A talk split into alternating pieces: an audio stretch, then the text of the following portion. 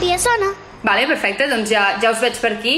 Doncs bé, primer de tot, a recordar doncs, que com cada setmana continuem amb les converses confinades a través de Via Sona. Aquells que ens seguiu i que ens heu vist en algun directe més, doncs suposo que ja sabreu de què tracta. Més o menys són això, unes converses confinades en què parlem des que va començar el confinament amb músics eh, de territori català. I avui tenim, en quan entri, el nostre desè convidat, que és el Pau Alabajos, eh, músic i cantautor valencià, que tot just eh, quan vegi que està per aquí doncs entrarà i, i començarem amb, amb aquest directe. Doncs, eh, com ja sabeu, eh, això, les converses aquestes són setmanals, el que volem fer és una mica parlar del confinament, de com està el panorama cultural i, i com, com preveuen doncs, els músics de, de primera plana del territori català i dels països catalans com, com seguirà tot aquest tema de, de la cultura i quan tot això de la Covid doncs, es dispersi una miqueta. Ja tenim el Pau per aquí, així que anem entri i comencem. Molt bé, genial. Hola, Pau. Hola, què tal? Com esteu? Sents bé?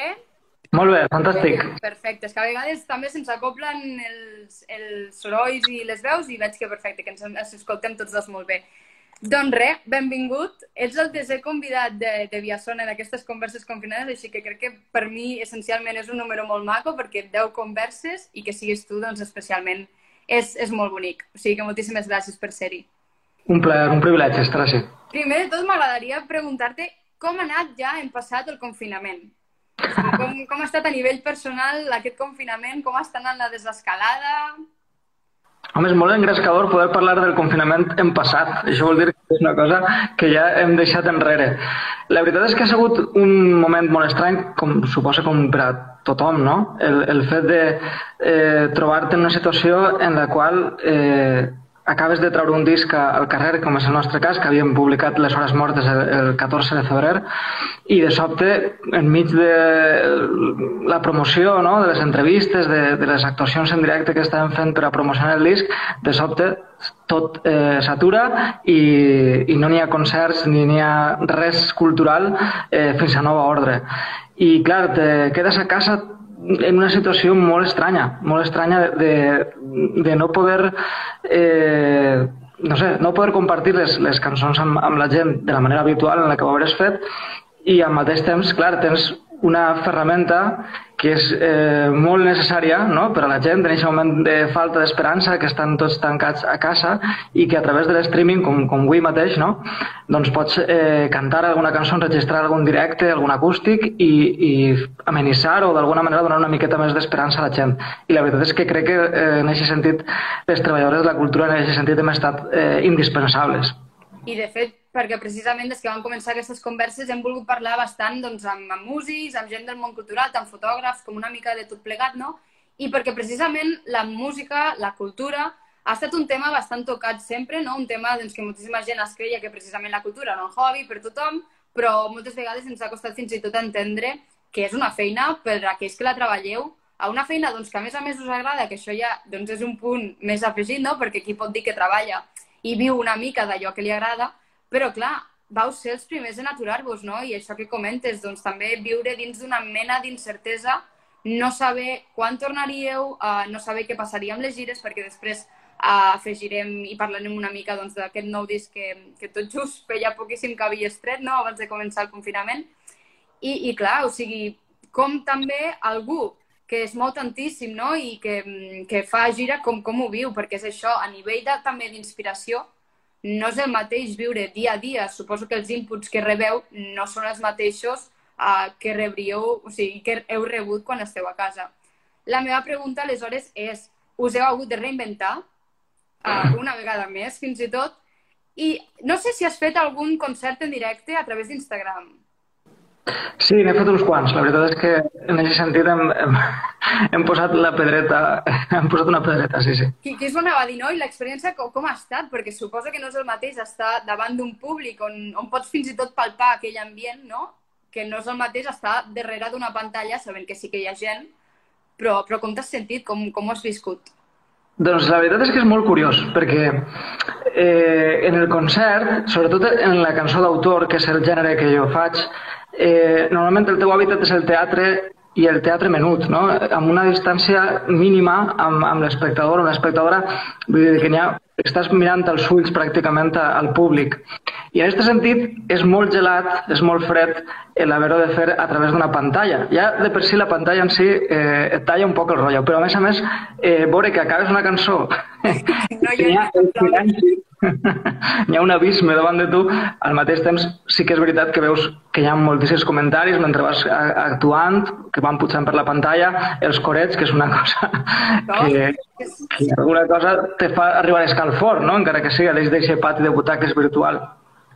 Us heu sentit, ara que parles també d'això una mica, recolzats a nivell, ja sigui per part dels governs, qualsevol govern, ja siguin els autonòmics com el govern d'Espanya, perquè moltes vegades es parlava molt de l'esport català, de com quan es tornaria a jugar a futbol, per exemple, no? però moltes vegades es deixava una mica de banda tot el tema cultural, com es tornaria, com d'aquí, doncs, potser a la tardor, que, que és quan més o menys es preveu que tot es tornarà a reenfilar. Um, us heu sentit, o tu personalment i professionalment, recolzats amb, amb vies de, de tranquil·litat i, i viure la incertesa però almenys des d'una mina de recolzament de dir, bé, quan tornem tot això tindrà una mica de sentit? Eh, és evident que algunes institucions han fet més que altres i, eh, per exemple, ara mateix la Federació Valenciana de Municipis i Províncies recentment va engegar una campanya que era eh, no suspengueu, no cancel·leu, sinó ajorneu, en el sentit que era molt important que aquelles actuacions que havíem tancat no, en les nostres agendes eh, no acabaren en un limbo i que les podem recuperar en el moment en què hi haurà una certa normalitat.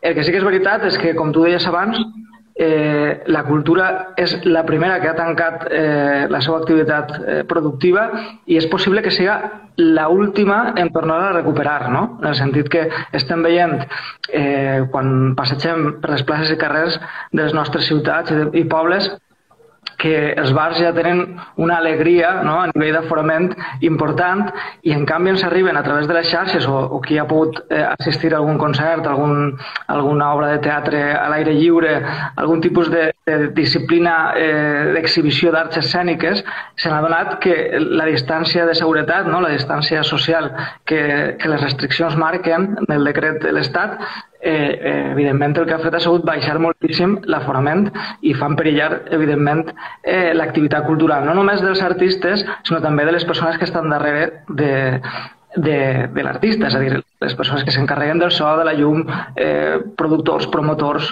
eh, n'hi ha un sector professional que està en perill eh, en aquesta situació si no comencem a prendre mesures dràstiques de tornar a engegar la maquinària. I, de fet, uh, claríssimament, la cultura, jo crec que també, i ho he comentat en alguna altra entrevista, ha estat com un fàrmac durant tot el confinament, perquè, de fet, nosaltres som ben conscients uh, que sense cultura, sense música, sense llibres ni pel·lícules, tots els àmbits culturals, doncs el nostre dia a dia possiblement seria molt diferent, no?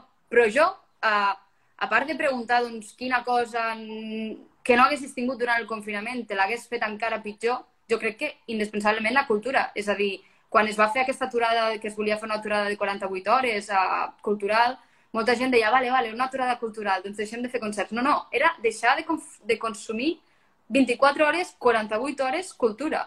Uh, jo mm. crec que un confinament sense cultura mm, no hagués estat possible. Aleshores, també espero i desitjo que quan tot això passi, doncs de veritat ens n'adonem de què significa de veritat una cultura, no? Perquè uh, precisament potser sense cultura un país no avançaria tant o, o bueno, hauria de fins i tot avançar encara més, no? Però uh, sense cultura no aniríem enlloc. Sí, jo crec que la cultura és, com deia eh, Montserrat Roig, l'opció, eh, no? Eh, ara se m'ha oblidat com, com és la frase, no? però és l'opció més revolucionària a, a llarg termini. En aquest sentit, eh, d'alguna manera, sempre hem sigut la punta de llança de moltíssimes coses i en aquest cas del confinament s'ha vist més clar que mai, perquè eh, qui més qui menys s'ha trobat eh, a sa casa tancat sense tenir la, la, la possibilitat de socialitzar amb la gent, que és una cosa importantíssima per, a, per al benestar eh, psicològic d'una persona, i ha sigut aquesta finestra que permeten les xarxes socials, que permeten les plataformes digitals, de fer arribar cultura que d'alguna manera era balsàmica, perquè et feia sentir eh, emocions i aquest contacte que d'altra forma és diferent. Sempre a través, com diem, de, del filtre de, de la pantalla, que sempre eh, és profilàctica, però crec que ha sigut molt important i espere, com tu dius, que la gent hagi pres consciència de la importància que ha tingut la cultura durant aquests moments, perquè ja de per si portàvem una situació com a sector precària i per tant ara és un, un moment importantíssim per a no tornar a caure en la, eh, en el mateix, en la mateixa errada, no, no, no tropeçar altra volta en la mateixa pedra i que, com tu dius, quan torni a engegar altra volta aquesta nova normalitat de la que parlen els mitjans de comunicació, doncs la cultura siga una dels, un dels pilars fonamentals. No pinta bé, no pinta bé pel que et deia, no? perquè veus les terrasses i veus els teatres o, o, el, o les escoles i, com sempre, el capitalisme és el verdader virus que hauríem d'eradicar d'una vegada per a totes, no? perquè sembla que on hi ha diners de pel mig o les coses que són aliment espiritual per a la gent sempre queden en una segona en un segon terme, no? I en aquest sentit l'educació i la cultura crec que han de ser eh, puntes de llança, no? Pilars fonamentals de la nostra societat. I de fet, quan parlaves no, d'aquesta nova normalitat, que és un terme que ja comença a fer una mica de mandra perquè ens estem adonant de què de veritat significa nova normalitat, tant de bo la cultura torni a una nova normalitat, però no la prèvia que hi havia abans, sinó una que encara avanci una mica més, no? I que de veritat, per, per una vegada de totes, doncs, us escolti, però més enllà que escoltar música, sinó que de veritat uh, s'us escolti amb els vostres requeriments, amb tot allò que de veritat necessiteu. I ara que estic veient doncs, um, comentaris aquí, per exemple, el Carlos R. Pastor diu és incomprensible, terrasses plenes i teatres buits um, és, és brutal, no? Perquè és el que dius, que ens dona de, de menjar de veritat com a persona són els valors. I mm. els valors, la comunicació, tot això és el que engloba la cultura. Aleshores, claríssimament, doncs, quan van començar a dir que podríem sortir a les terrasses, la gent, de fet, el que deia és jo no vull anar a fer un beure, jo vull abraçar la meva àvia, no? Aleshores, jo crec que també la cultura la música, quan tu escoltes una cançó, aquelles cançons moltes vegades són persones directament, són, són missatges, són reivindicacions, són evolució, no? i sense això tampoc crec que, que arribem gaire enllà. I ara que estic veient comentaris, m'agradaria doncs això, eh, que si algú té alguna pregunta o alguna ens les feu arribar i el Pau us les respondrà de ben segur encantadíssim, perquè aquí també hi ha un altre d'abans que se m'ha anat, diu del A.alande.g, que diu Pau, volem més cançons de Miquel Martí i Pol. Recupera Esteles i alça a Josep Carné. Molt bé. La veritat és que, com, mira, això és una de les coses que, que crec que eh, eh, connecta un poc en el que estaves dient. No? La poesia, d'alguna manera, també ha sigut un lloc on refugiar-se en aquesta situació de gelor eh, social no? del confinament i en el, cas, en el meu cas, que darrerament estem incorporant a tots els discos musicacions de poemes, doncs Miquel Martí Pol ha sigut com també un bàlsam per a tornar i per anar eh, practicant de cara als pròxims concerts que d'alguna manera presentaran les cançons noves que tenim eh, acabades d'eixir del forn amb amb este impàs amb el que ens hem trobat, però, però en este disc, per exemple, hi havia tres cançons basades en, en, en Estimada Marta, no? en tres poemes d'Estimada Marta, i la veritat és que ha sigut una cosa a la que tornar i sentir-se molt abraçat no? per les paraules, per la, per la literatura de, de Miquel Martí i Pol. I que suposo que reenganxant el que comentàvem abans dels concerts d'Instagram, per exemple, no?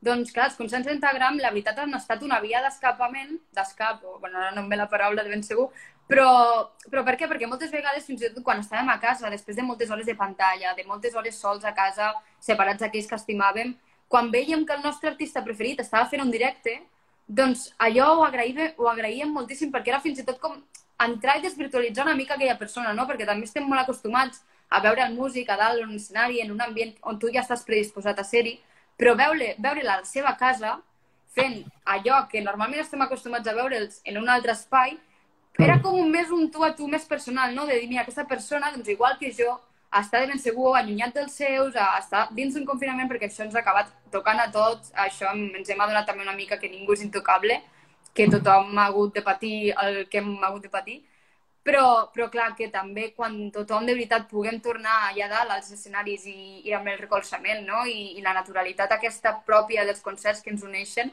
jo crec que serà molt bonic i estic més que segura ara encarrilant el vuitè disc que vas treure just, si no m'equivoco, va ser un mes bastant exacte abans de que comencés el confinament. Um, clar, deus tenir unes ganes immenses de poder encarrilar aquesta gira, perquè jo no sé si la gira vau començar-la, no la vas començar. Explica'ns una mica com, com va venir tot aquest oasi. Mira, ens cantem damunt, no? Seria la, la, el resum de tot això és que estem cantant-nos damunt les cançons noves que no s'han pogut encara eh, presentar eh, en societat. Teníem una sèrie de concerts tancats, teníem la cloenda del Festival Barnassans eh, al Teatre Joventut de l'Hospitalet, eh, teníem una participació en un concert en el Festival Estrenes de Girona i, i també al Teatre Miquelet de València i una sèrie de concerts més que a, havien d'anar mm, a diferents pobles i comarques a a presentar les cançons en cases de cultura, teatres, auditoris eh, al llarg de la primavera. Tot això va quedar en no res i va començar a ser una cosa virtual, que, que ara després us ho comentem. Eh, el que sí que hem pogut fer és, per exemple, eh, el concert del Festival Estrenes de Girona es manté en peu l'11 de juliol, si no m'equivoque. És a dir, que sí que hem aconseguit que aquells concerts eh, que hem tingut una miqueta de mà per a poder eh, programar en altres dates, no reprogramar l'actuació la, en una nova agenda, ho hem fet. El concert del Teatre Micalet de València l'hem passat al 8 d'octubre, és a dir, que hem hagut de, de passar a l'estiu i tot, perquè, clar, evidentment, moltes de les programacions culturals, de teatres, auditoris, ja estaven fetes del primer semestre i, per tant, les primeres dates lliures que hi havia eren a partir d'octubre i hi ha moltíssimes espectacles que havien de, de reconduir-se no? o ubicar-se en, unes altres, eh, en uns altres calendaris. Eh, no me'n recorda que m'havies preguntat. M'he començat a parlar d'això. No, no, no. El tema de la gira, que clar, la cancel·lació d'una gira, com, com es preveu? Perquè és que és una feinada que no és d'un dia per l'altre, és a dir, és una feinada tot un any de ben segur, de la maquetació d'un disc, ho tens tot fet, no? Com allò que diu un bebè que acaba de néixer i no el pots no només gaudir, sinó enviar-ho fora. I clar, encarrilant també amb la pregunta que feia un noi, un, el Carlos Puner Pastor, que diu que ara a l'estiu podran fer concerts a l'aire lliure, que és el que comentaves tu, que per sort, i diu, se sap alguna cosa, de fet es podria respectar la distància social. Aleshores, això una mica el tema de la gira, com, com heu viscut i si, com preveus que, que serà. Sí, la veritat és que fa un parell de dies no, he començat a notar no? un poc aquest escalfor que comencen a sonar els telèfons, eh, els programadors, programadores culturals comencen a buscar dates alternatives, és a dir, que sembla que ja la gent comença a prendre confiança no? en la situació en què, evidentment, els resultats eh, mèdics no? I, i totes les estadístiques comencen a ser una miqueta més alentadores i això ha fet que, que la gent prenga una miqueta de tranquil·litat. Eh, el primer concert crec que el tenim el 25 de juny al festival eh, eh, com se diu este festival? No me'n recordo, és que clar, vinc poc preparat perquè clar, encara estem, estem considerant ubicant totes les actuacions eh, en, en, les, en les dates que tenim, no? Però sé que el, el poble es diu... Poc, de fet. Sí, és este mes, vull dir, ja, en el moment en què tanques un concert en el mateix mes en el que està, és que ja sembla que, que la cosa va cap endavant. Per això publicava en les xarxes fa poquet que veiem eh, la llum a, al final del túnel. Perquè clar, esperaves que fos tan d'hora? És a dir, tu quan d'aquí fa un mes esperaves que al juny hi havia la possibilitat de, de tornar algun concert o, o ho veies molt més llunyà? Ho veia més llunyà. De fet, eh, quan parlem amb els companys i companyes del sector, doncs clar, vas llegint notícies i hi havia gent que deia 2022 i dius, uf, ja, ja. 2022, això fa molta por perquè implica, implica estar aturat molt de temps. Evidentment, la, els concerts van ser molt diferents. Eh, per a la cançó d'autor és, és evident que tampoc no seran tan diferents perquè sempre hem tingut aquest espai més, més reduït, no? més minimalista i és una llàstima perquè, eh, clar, havíem preparat amb molt d'afecte els, els, eh, els directes del nou disc amb la banda que m'acompanyava, no? amb la bateria, el piano, cello, violí, i clar, ara, evidentment, dins del tipus d'espectacle de, que se s'està exigint, moltes voltes haurem de baixar-ho a una cosa més mínima. Sobretot, per exemple, i a nivell econòmic eh, és, és lògic també, si tens la meitat de l'aforament o, o un terç de l'aforament, eh, econòmicament, si vas a taquilla, és molt complicat que, que una actuació d'aquestes característiques eh, es puga portar a terme. I, per tant, haurem tots de fer un esforç i, i reduir. Eh, esperem que, a, a mesura que vagin passant els mesos, eh, puguem recuperar aquesta normalitat normalitat de la que parlem i aleshores poder fer una, un espectacle més lluït, no? Sempre, sempre amb més matisos l'espectacle és més bonic i arriba més al públic.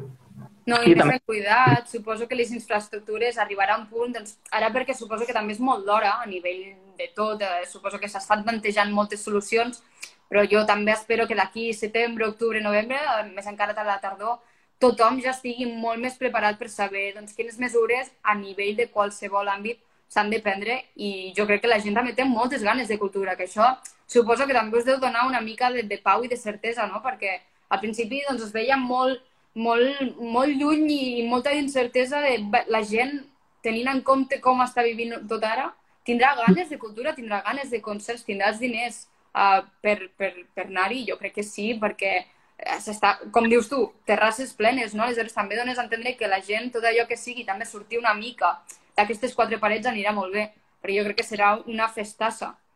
Sí, i, i fins i tot vaig a dir, crec també que, que se nota en diversos projectes de micromecenatge d'altres companys i companyes que han, que han, han volgut impulsar-los en aquest moment en què es troben en una situació límit i la, han funcionat molt, molt bé. Això vol dir que el públic sí que ha pres consciència de la importància que tenien aquests artistes i que i que ara mateix estem deixats de la mà de Déu, com aquell que diu, no? I per tant, aquest ajut, aquest suport a nivell d'una aportació en aquests projectes de micromecenatge, crec que també demostren que la gent eh, no, no s'està deixant de banda, sinó que estan esperant el moment adequat per a poder eh, vindre una actuació, com tu dies, comprar una entrada eh, o un disc.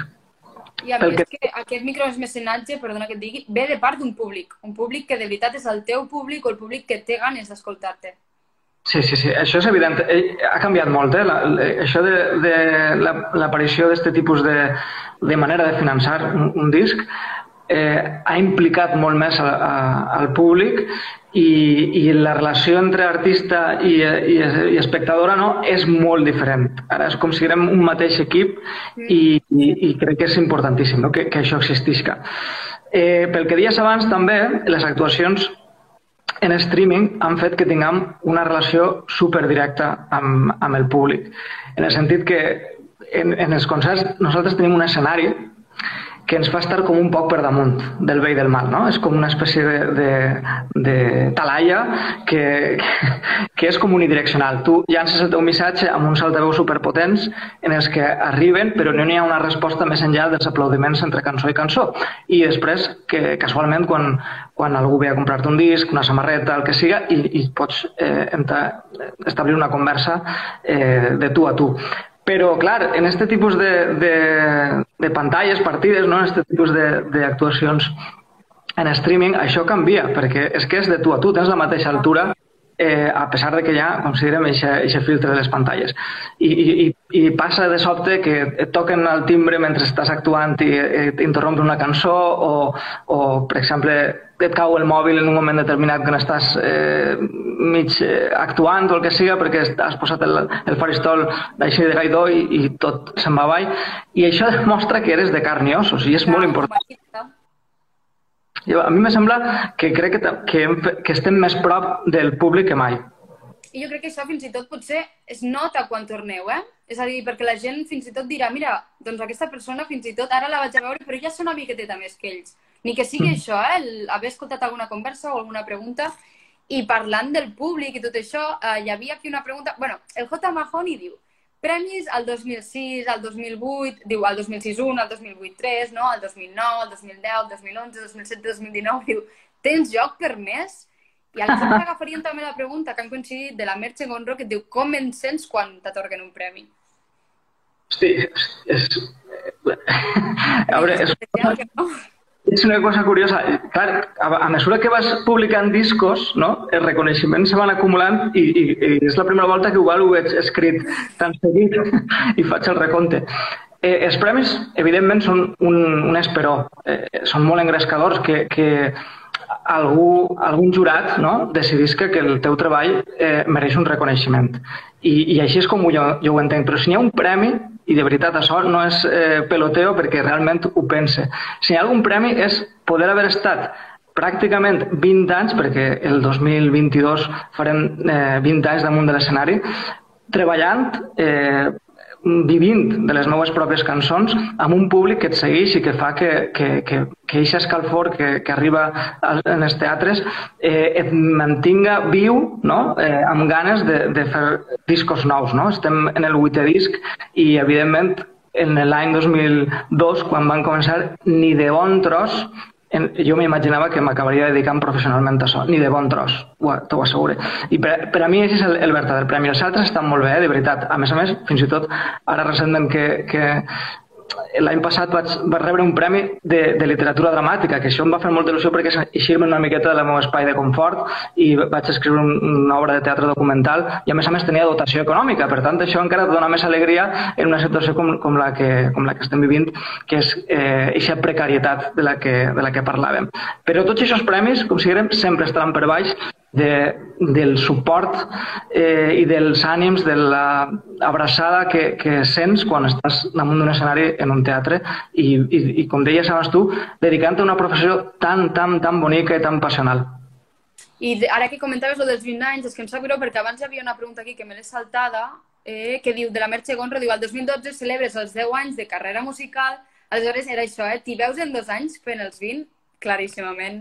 Claríssimament. A més, ja tenim projectes de com celebrar-ho, perquè eh, quan vam fer 10 anys vam fer un, un espectacle amb una orquestra sinfònica en el Palau de la Música de València, eh, amb, amb companys i companyes de batalla que, que hem compartit mil escenaris i que vam voler que, que estigueren damunt d'aquest escenari tan especial, sobretot en un moment en el que el tema del Palau de la Música de València no era, era poca broma, eh? perquè estava, era l'època fosca, dura, troglodita del Partit Popular eh, governant la Generalitat Valenciana i va ser com posar una pica en Flandes. Va ser un moment molt, molt especial. Però bé, ja estem pensant no? en com, en com celebrar-ho d'ací un parell d'anys i, i crec que hem de fer una festa grossa perquè no s'acomplixen 20 anys cada dia. I que, de fet, abans que comentaves tot just, que havies llegit algunes notícies que deien que el 2022 era quan es tornava a encarrilar tot el tema de la cultura arrel de la Covid, doncs imagina que haguessis tornat, doncs festàs allà multiplicada per dos, però per sort has tornat molt abans. El Roger Benet Imatge diu, arribo ara i no sé si ho heu dit. Pau, què me'n dius de l'inventari Sabadell i Roc Casagran? D'inventari Sabadell i Roc Casagran. Felicitats per la teva música. Eh, bueno, mira, és, és una cosa curiosa. Eh, que eh, una volta, i crec que està penjat en YouTube si, si la gent ho busca, eh, a Manresa, en, en un local que es diu Voilà, que és una espècie de cafè-teatre, eh, actuava, actuava jo i estava també Roca Saran i vam fer una versió eh, conjunta del seu poema i de la meva cançó, que d'alguna manera vam fer com una espècie de, de tàndem no? eh, literari, musical. I el, el seu poema és preciós i, i crec que va lligar molt bé amb, amb, la, amb la música eh, d'aquesta cançó que és tan autobiogràfica. Que bonic. A més que és això, eh? jo crec que és comunicar i són diferents àmbits que també van una mica lligats a la mà, un més musicat i l'altre doncs, més escrit. Però jo crec que quan es fan això, el públic ho agraeix moltíssim, eh? el poder juntar, perquè imagina algú que li encantes tu, li encanta la teva música i que a més a més li encanta la forma d'escriure del rock. Deu ser mm. allò ja brutal, no? Després l'Aida Gil diu Firenze eh, és la meva cançó favorita. En què et vas inspirar? En què vas inspirar-te? És tal qual eh, diu la lletra. Són, són cançons, les cançons que jo escric, sobretot les cançons més íntimes, més privades, més, més personals, són totes autobiogràfiques perquè crec que, com deia abans, la cançó d'autor ha de ser una, un tipus de cançó molt honesta, no? en, el que, en el que eh, no n'hi hagi massa intermediaris, no massa filtres, i sempre escric d'aquelles coses que he viscut en, en la pròpia pell, que, que he viscut en primera persona perquè és més sincer no? a l'hora de posar-les en un paper en blanc. I en aquest sentit és una cosa que, que vaig viure eh, fa en 2012 i, i, que, i que sempre ho duc així en el record, clar. I suposo que quan tu escrius des de dins del teu cor possiblement arriba molt més a la gent, no? Perquè parlem d'aquests petits detalls, aquestes petites cosetes que a nosaltres ens, ens semblen molt importants o que ens canvien i ens fan créixer, i això deu arribar molt perquè és, com a humans som molt petits i hi ha moltíssimes coses que compartim els uns als altres i la música, precisament, quan escoltem cançons, hi ha vegades fins i tot que diem que sembla que hagi estat composada i escrita per mi, no? Per explicar la meva història, la meva petita història, que al final no és tan petita perquè la compartim molt, molt entre tots i per això hi ha cançons que ens agraden més que d'altres però perquè potser ens apel·len una mica més a la part més interior. Sigui que quan... Te, te vaig dir, però això que comentes, i, i parlant d'inventari, per exemple, que és una de les cançons que, que més s'ha escoltat de les que hem escrit i que més ha arribat a, a la gent, jo pensava que és una cançó que no tindria èxit, en el sentit que era una cançó amb tantes eh, eh, referències personals a la relació que jo havia tingut i eren, com si eren claus internes, que, que, que em pensava que ningú no podria valorar això, en el sentit que no havien estat, no havien format part de la relació que, de la qual jo parlava i, per tant, quedaven aliens a moltes de les coses que, que ahir s'expliquen. Però és al contrari, és al contrari. La gent eh, entén que aquestes coses són les que t'unixen a l'altra persona i cadascú les ha viscut de la seva manera. No cal que sigui una cosa concreta, sinó és la manera de relacionar-se, com, com bé deies abans tu. I, I crec que he après això, no? que no hem d'intentar, eh, a l'hora de posar-se a fer una lletra, intentar que siga l'explicació universal de l'amor, perquè això al final acaba sent un pamflet, i en canvi s'ha de ser molt més íntim a l'hora d'explicar de, les coses que, que sents i d'allò local vas a allò global, no? i és la manera de fer universal. Parlar de, del, del, dels sentiments més xicotets, més, més eh, diminuts, acaben sent els més grans. Oi, quina frase més bonica, espera que me l'apunto, m'ha encantat. O sigui, ho tenim titulat, ho tenim titulat. Ha de ser la propera cançó, eh? Això sí o sí. I parlant d'aprendre i d'aprenentatge, el J. Mahoney diu Has cantat les teves cançons en nombroses ciutats nacionals i internacionals. Quina t'ha marcat més i per què?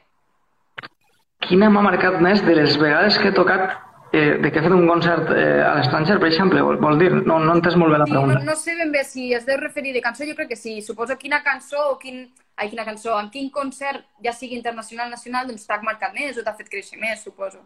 Deu voler dir això són molt diferents. Els concerts que he fet a, a, a casa nostra, per exemple, el concert que et deia abans, no? la celebració dels 10 anys va ser molt, molt especial. És a dir, ficar 1.200 persones en un espai eh, que a més a més havia sigut eh, negat a la cultura valenciana durant pràcticament 25... Diu país, perdona, eh? diu país. Algun país. Va. Sí, aquest concert va ser molt, molt especial, arropat amb 80 músics damunt de l'escenari, 80 eh, intèrprets que van voler estar al nostre costat. I després, els altres concerts, els que han fet eh, a l'estranger, que moltes vegades han sigut concerts que han sigut més de batalla, en el sentit que, que les condicions econòmiques o les condicions laborals sempre han sigut més difícils, perquè no tens eh, el públic garantit no, que pots tindre en un lloc on, on et coneixen, com és el cas de, de València, que comentàvem abans. Però el fet de compartir les teues cançons en països com Estats Units, eh, Quebec, eh, és que ara ni me'n recordarà, Uruguai, Panamà, mm, Alemanya, Suïssa, França, eh, Itàlia, eh, pa, eh, Palestina, tota aquesta sensació d'estar explicant la teua realitat, la que vius dia a dia, moltes de les cançons que jo escric tenen un component social eh, i polític i per tant no només és anar a cantar en una llengua que ja de per si eh, és un, un, un acte de militància, en el sentit que estàs explicant a la gent que existeix una llengua que es diu català, que té 12 milions de parlants i que, a més a més, n'hi ha una, un sector de cultura que es, es bastix sobre, sobre aquesta llengua, és a dir, que no és només una llengua, sinó que a més a més s'utilitza per a vertebrar un país i per a vertebrar la cultura. I explicar les situacions polítiques que es viuen a casa nostra a gent que, que possiblement després de l'1 d'octubre pot ser eh, internacionalment més, més projecció, però d'altra forma no n'havia sentit mai a parlar, eh, i aquest intercanvi d'experiències, de, de, de coses que, per exemple, jo sé, me'n recorde en la Universitat de Montreal, no? en la que tu estàs parlant de la situació política dels països catalans i allà estem visquent una situació molt semblant i de sobte estàs fent analogies eh, a, a una i altra banda de l'oceà que són molt enriquidores. Aquesta sensació és molt difícil d'explicar, de, de, de posar-li paraules i te fa perdre eh, un cert complex d'inferioritat. No? Moltes voltes, quan, quan cantes en català, sembla que és una llengua d'autoconsum, que només el públic català o que, o que és eh, mm, catalanòfon, no?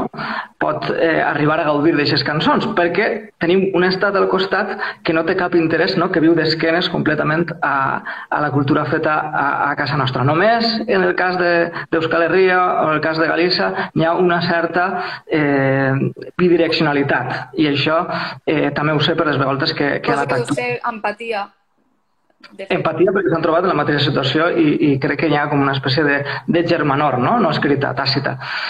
Però, clar, quan vas a l'estranger i te trobes amb, amb una llengua com l'anglès, no? una, una llengua brutal, i, i algú en els Estats Units eh, està sentint el que tu estàs cantant en una llengua tan xicoteta de, de 12 milions d'habitants i, i, i veus que a algú li cau una llàgrima, és una cosa super especial, perquè aleshores dius, no, és que la música és un llenguatge universal de veritat, i així és la, està la demostració.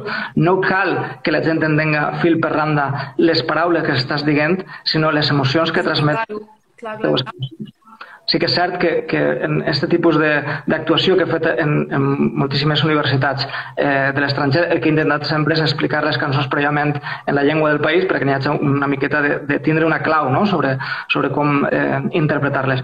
Però és, com dic, eh, és una sensació completament diferent la de fer un concert a casa nostra a fer un concert a l'altra part del món i, i té una, un component que acabes sentint-te un cert ambaixador, ambaixador no? de, de, de la nostra cultura. I de fet, eh, deu ser, és meravellós escoltar-te. Jo ara he, he parat, és com m'he oblidat de que estàvem fins i tot aquí a Instagram, estàs en una conversa molt bonica, però clar, és això, no? També suposo que el que comentes quan estàs a casa, a casa teva, a la teva terra, doncs és diferent. La presentació ja moltes vegades ni cal, perquè la gent que t'està anant a veure doncs ja té fins i tot aquesta connexió, ja, ja sap el que vaig escoltar i fins i tot sé que ja m'agradarà, fins i tot abans d'entrar-hi, no? Però en canvi fora, doncs això que comentaves, jo crec que també és el poder una mica de comunicar. No cal entendre l'idioma perquè és el que has dit tu, la música ja ens connecta i tu quan escoltes una cançó, doncs quantes vegades de petits ens ha agradat molt una cançó en anglès que no enteníem i quan hem fet, ens hem fet grans hem acabat entenent aquell missatge i encara ens ha agradat una mica més. Però aquella cançó ja ens agradava. Per què? Perquè la melodia, el to de veu, el que sigui, ja, ja ens crida l'atenció, ja sigui perquè ens agrada més l'estil de música o no. I, home, doncs sortir a fora, no? I també trencar una mica amb els estereotips del país, perquè moltes vegades suposo que també el dia a dia doncs, ens creiem que allò que estem veient doncs, és, el ben, és més normal, però quan vas a l'altra punta del, del món te n'adones doncs, que hi ha moltíssimes coses diferents entre uns i els altres i que hi ha diferents formes de viure, totes elles, uh, possiblement o igual de, igual de jutjables o igual d'acceptables, no? I sí. jo crec que d'això has hagut d'aprendre molt.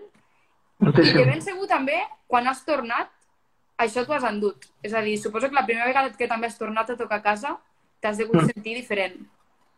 Totalment, perquè és que és una experiència molt diferent, és una manera de... Fins i tot, mira, hi ha coses que són molt sorprenents quan, quan toques en un altre país, el públic també es, es, eh, es comporta d'una manera diferent, en el sentit que eh, la idiosincràsia és completament diferent. Per exemple, eh, la primera volta que vaig eixir eh, a tocar en un altre país va ser a Alemanya i vam fer una sèrie de concerts, crec que van ser 8 o 9 concerts. Jo parlo una miqueta d'alemany i en això anava trampejant l'explicació per a poder eh, fer que la gent entenguera un poc què estava, què estava cantant. Però el més curiós és que en el moment en què te cantes una cançó en, en un teatre, en una sala d'actes tipus teatre, i, i acabes la cançó, el que més crida l'atenció és que eh, a casa nostra sempre hi ha una espècie de, de trencar la dinàmica, no? I sempre eh, hi ha algun xiulet, algun aplaudiment fora de lloc, etc. I, i, i la gent està interactuant amb tu completament perquè estan amb tu. Val? Allà n'hi ha com una espècie de respecte religiós cap a la cultura que en, en, en el que això implica i aleshores el que passava és que quan acabava la cançó hi havia com uns segons que dia, què està passant? No els agrada la cançó i es esperava l'aplaudiment. N'hi havia com més, com esperaven a que realment haurà acabat de deixar de sonar l'última corda eixa que queda sostinguda per a poder fer l'aplaudiment. Era com més respectuós, no? I això pesava. Eh, o al contrari, quan anàvem a, la, a Palestina amb, amb Obrim Pas, amb Ses Freixes, amb Nabil Mansur, que vam fer una, una, una brigada de músics per a conèixer la realitat social i política allà, i vam començar a cantar, va ser una festa en la que trencaren completament, absolutament, el, el, com si direm, el, eh, l'equació, no? músic eh, i públic, i van cantar, encara que no sabien la llengua, estaven ballant mentre estaven fent un, un concert asseguts no? en, un, en un espai molt, molt reduït. És a dir, que aquest tipus de, de manera de comportar-se de cada cultura, de cada país al que, al que hem anat a fer, també és un, una cosa que ens emportem, no és un tresor que, que du quasi dins.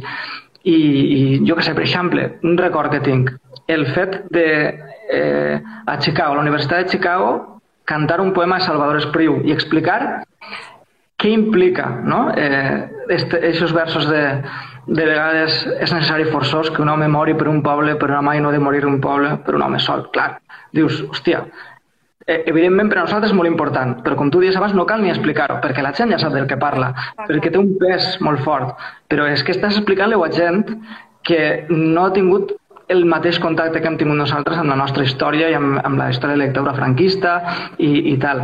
Però els versos, de per si, són superpotents per a qualsevol tipus de situació social, política, arreu del món.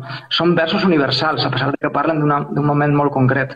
I, i aquesta sensació eh, només la, bueno, jo només l'he sentit eh, tocant a l'estranger, no? tocant, eh, en aquest cas, he dit Chicago per dir un moment que me'n recorda, però eh, eh, este tipus de poemes o cançons com El vent, cançons com l'Estaca, cançons com què volen aquesta gent, que els han cantat mil vegades no? eh, en universitats i teatres de, de, de tot arreu, és molt diferent el, el cantar-les a casa quan la gent la té com una espècie de great, un greatest hits no? de, de la cançó protesta. Clar, i tot el món canta a cantar-la en una situació en la que has de contextualitzar-la molt, molt bé perquè la gent eh, copse... Fins i tot previ, no? Perquè a vegades també estem molt acostumats a quan nosaltres anem a un concert aquí s'explica com una mica quina cançó mm. cantaràs, però si de veritat sé quin cantant ets, entenc i conec les teves cançons, jo em faig una idea de, va, cantarà aquesta, que és el típic de, ah, cantarà aquesta, no sé què, no? En canvi, quan vas fora, has de contextualitzar-ho tot i el que comentaves de Salvador Espriu, doncs per nosaltres, doncs perquè ho hem viscut, ho han viscut els nostres pares, els nostres avis, és una cosa molt generacional. Però quan vas fora, doncs és com, les, és com la música, com les lletres, no? Se les poden fer seves i fins i tot no sé el mateix, però dir, val, doncs això jo també ho he viscut en algun moment, en algun instant, en algun moment uh, polític o ideològic que he hagut de viure en la meva vida, sigui el país que sigui, de ben segur, perquè la història, al cap i a la fi, no deixa de repetir-se tampoc, en diferents mm -hmm. maneres i en diferents formats, no? Totalment. I ara, per acabar, et llegiré, uh, o sigui, més que res perquè pateixo, perquè això crec que l'hora es penja i com que també hauràs d'interpretar, i ara ho explicarem. Vale. Jo m'he escoltat les teves cançons de l'últim disc i tot, perquè dic, va, Núria, informa-te'n. I hi ha una, no?, que ara el que parlaven això de, doncs, de les lletres. I jo, clar, em feia molta gràcia perquè quan aquests dies estic llegint lletres i cançons que ja estaven publicades de fins i tot abans del confinament, me n'adono que hi ha moltes cançons que fins i tot podrien arribar a ser la banda sonora d'aquest confinament, que dius, és que sembla que hagi estat escrita. I hi ha una que diu, um, que la cançó es diu Kintsugi, o Kintsugi, no sé si l'estic pronunciant bé. Com, com... No ho sé, perquè és no? una paraula i tampoc no és que en sàpiga. O sigui. Doncs la cançó diu, no saps com trobe a faltar el timbre de la teva veu, les carícies quotidianes, l'olor de la teva pell, no? Aleshores, clar, això també fins i tot, doncs jo estava escoltant i dic, oh, és que m'ha portat, per exemple, la meva parella, no? i aquests dies doncs, que no hem pogut estar junts, i és això, en torno una altra vegada, a com la música doncs, ens connecta i que possiblement quan tu l'escrivies no pensaves en això, però aquestes lletres que jo crec que al final ens humanitzen molt i mm. ens fan a tots una mica més propers, fins i tot amb una simple uh, quatre frases, no? Perquè no, no va més enllà. I fins i tot el títol del disc, és, és que s'ha produït això, que, que ha sigut com paradoxal, no? Les hores mortes, mira si hem tingut hores mortes per a, per a omplir, no? I, i moltíssimes coses al final se, re, se ressementissen amb, amb el moment que vius. Eh, mira, recentment no, la, la, ha, ha, ha faltat Pau Donés, no? i són unes cançons, les de Jarabe de Palo, que quan era molt jove en la, en la banda sonora. Evidentment, el moment actual clar, ressementís tota aquesta situació que tu vas viure una banda sonora que ara mateix fa clic i que havies, jo havia oblidat, perquè hi ha moltes d'aquestes cançons portava pues, dècades sense escoltar-les, però mira, és, és este moment no, en, el que, en el que estàs compartint moments de la teva infantesa, que, que pot ser que eh, el confinament fa que sigui més, més introspectiu, no? que, que mires més cap a, cap a tu, cap al passat, tens més temps per a, per a centrar-te en tu. Crec que això també ha sigut positiu, eh? És a dir, eh, jo crec que la velocitat a la que va la societat, no? no. Tres, S'havia d'actuar una mica i també els músics ho teniu això, en el cas del Pau Donés, doncs ahir, no? També ens adonàvem molt com la música l'acabarà fent immortal sempre, com les seves cançons continuen allà i el que comentaves ara em sembla preciós, el poder tornar, doncs, cançons del Pau Donés que ens tornen a, doncs, ah, aquell dia que la vaig escoltar o la primera vegada que la vaig escoltar, què estava fent, no? O aquells estius, i això passa amb tots els músics, amb totes les vostres cançons que continuaran allà uh, és que no voldria dir ni fins a quan, perquè jo crec que una vegada pugeu això al núvol, eh, ja es queden, i això deu ser molt bonic, no saber en quin moment tornarem a recuperar aquelles cançons del primer disc teu o fins al vuitè, és a dir, a saber. I, mira, se remantissen, m'ha trencat la llengua, que gran. Li ha molt. doncs moltíssimes gràcies per aquesta tarda tan bonica i, i espero de debò que ara, ja a finals de juny, doncs tornis allà on no hauries d'haver baixat mai i que recupereu el vostre terreny. Moltíssimes gràcies, la veritat ha sigut un plaer i enhorabona per la iniciativa d'anar donant-li veu als músics i músiques que, que estem en este confinament. Moltíssimes gràcies, ens veiem aviat. Merci. Una, una abraçada. Adéu. I moltíssimes gràcies a tothom. La setmana vinent doncs, tornarem amb més convidats. Moltíssimes gràcies, Pau. Via Sona.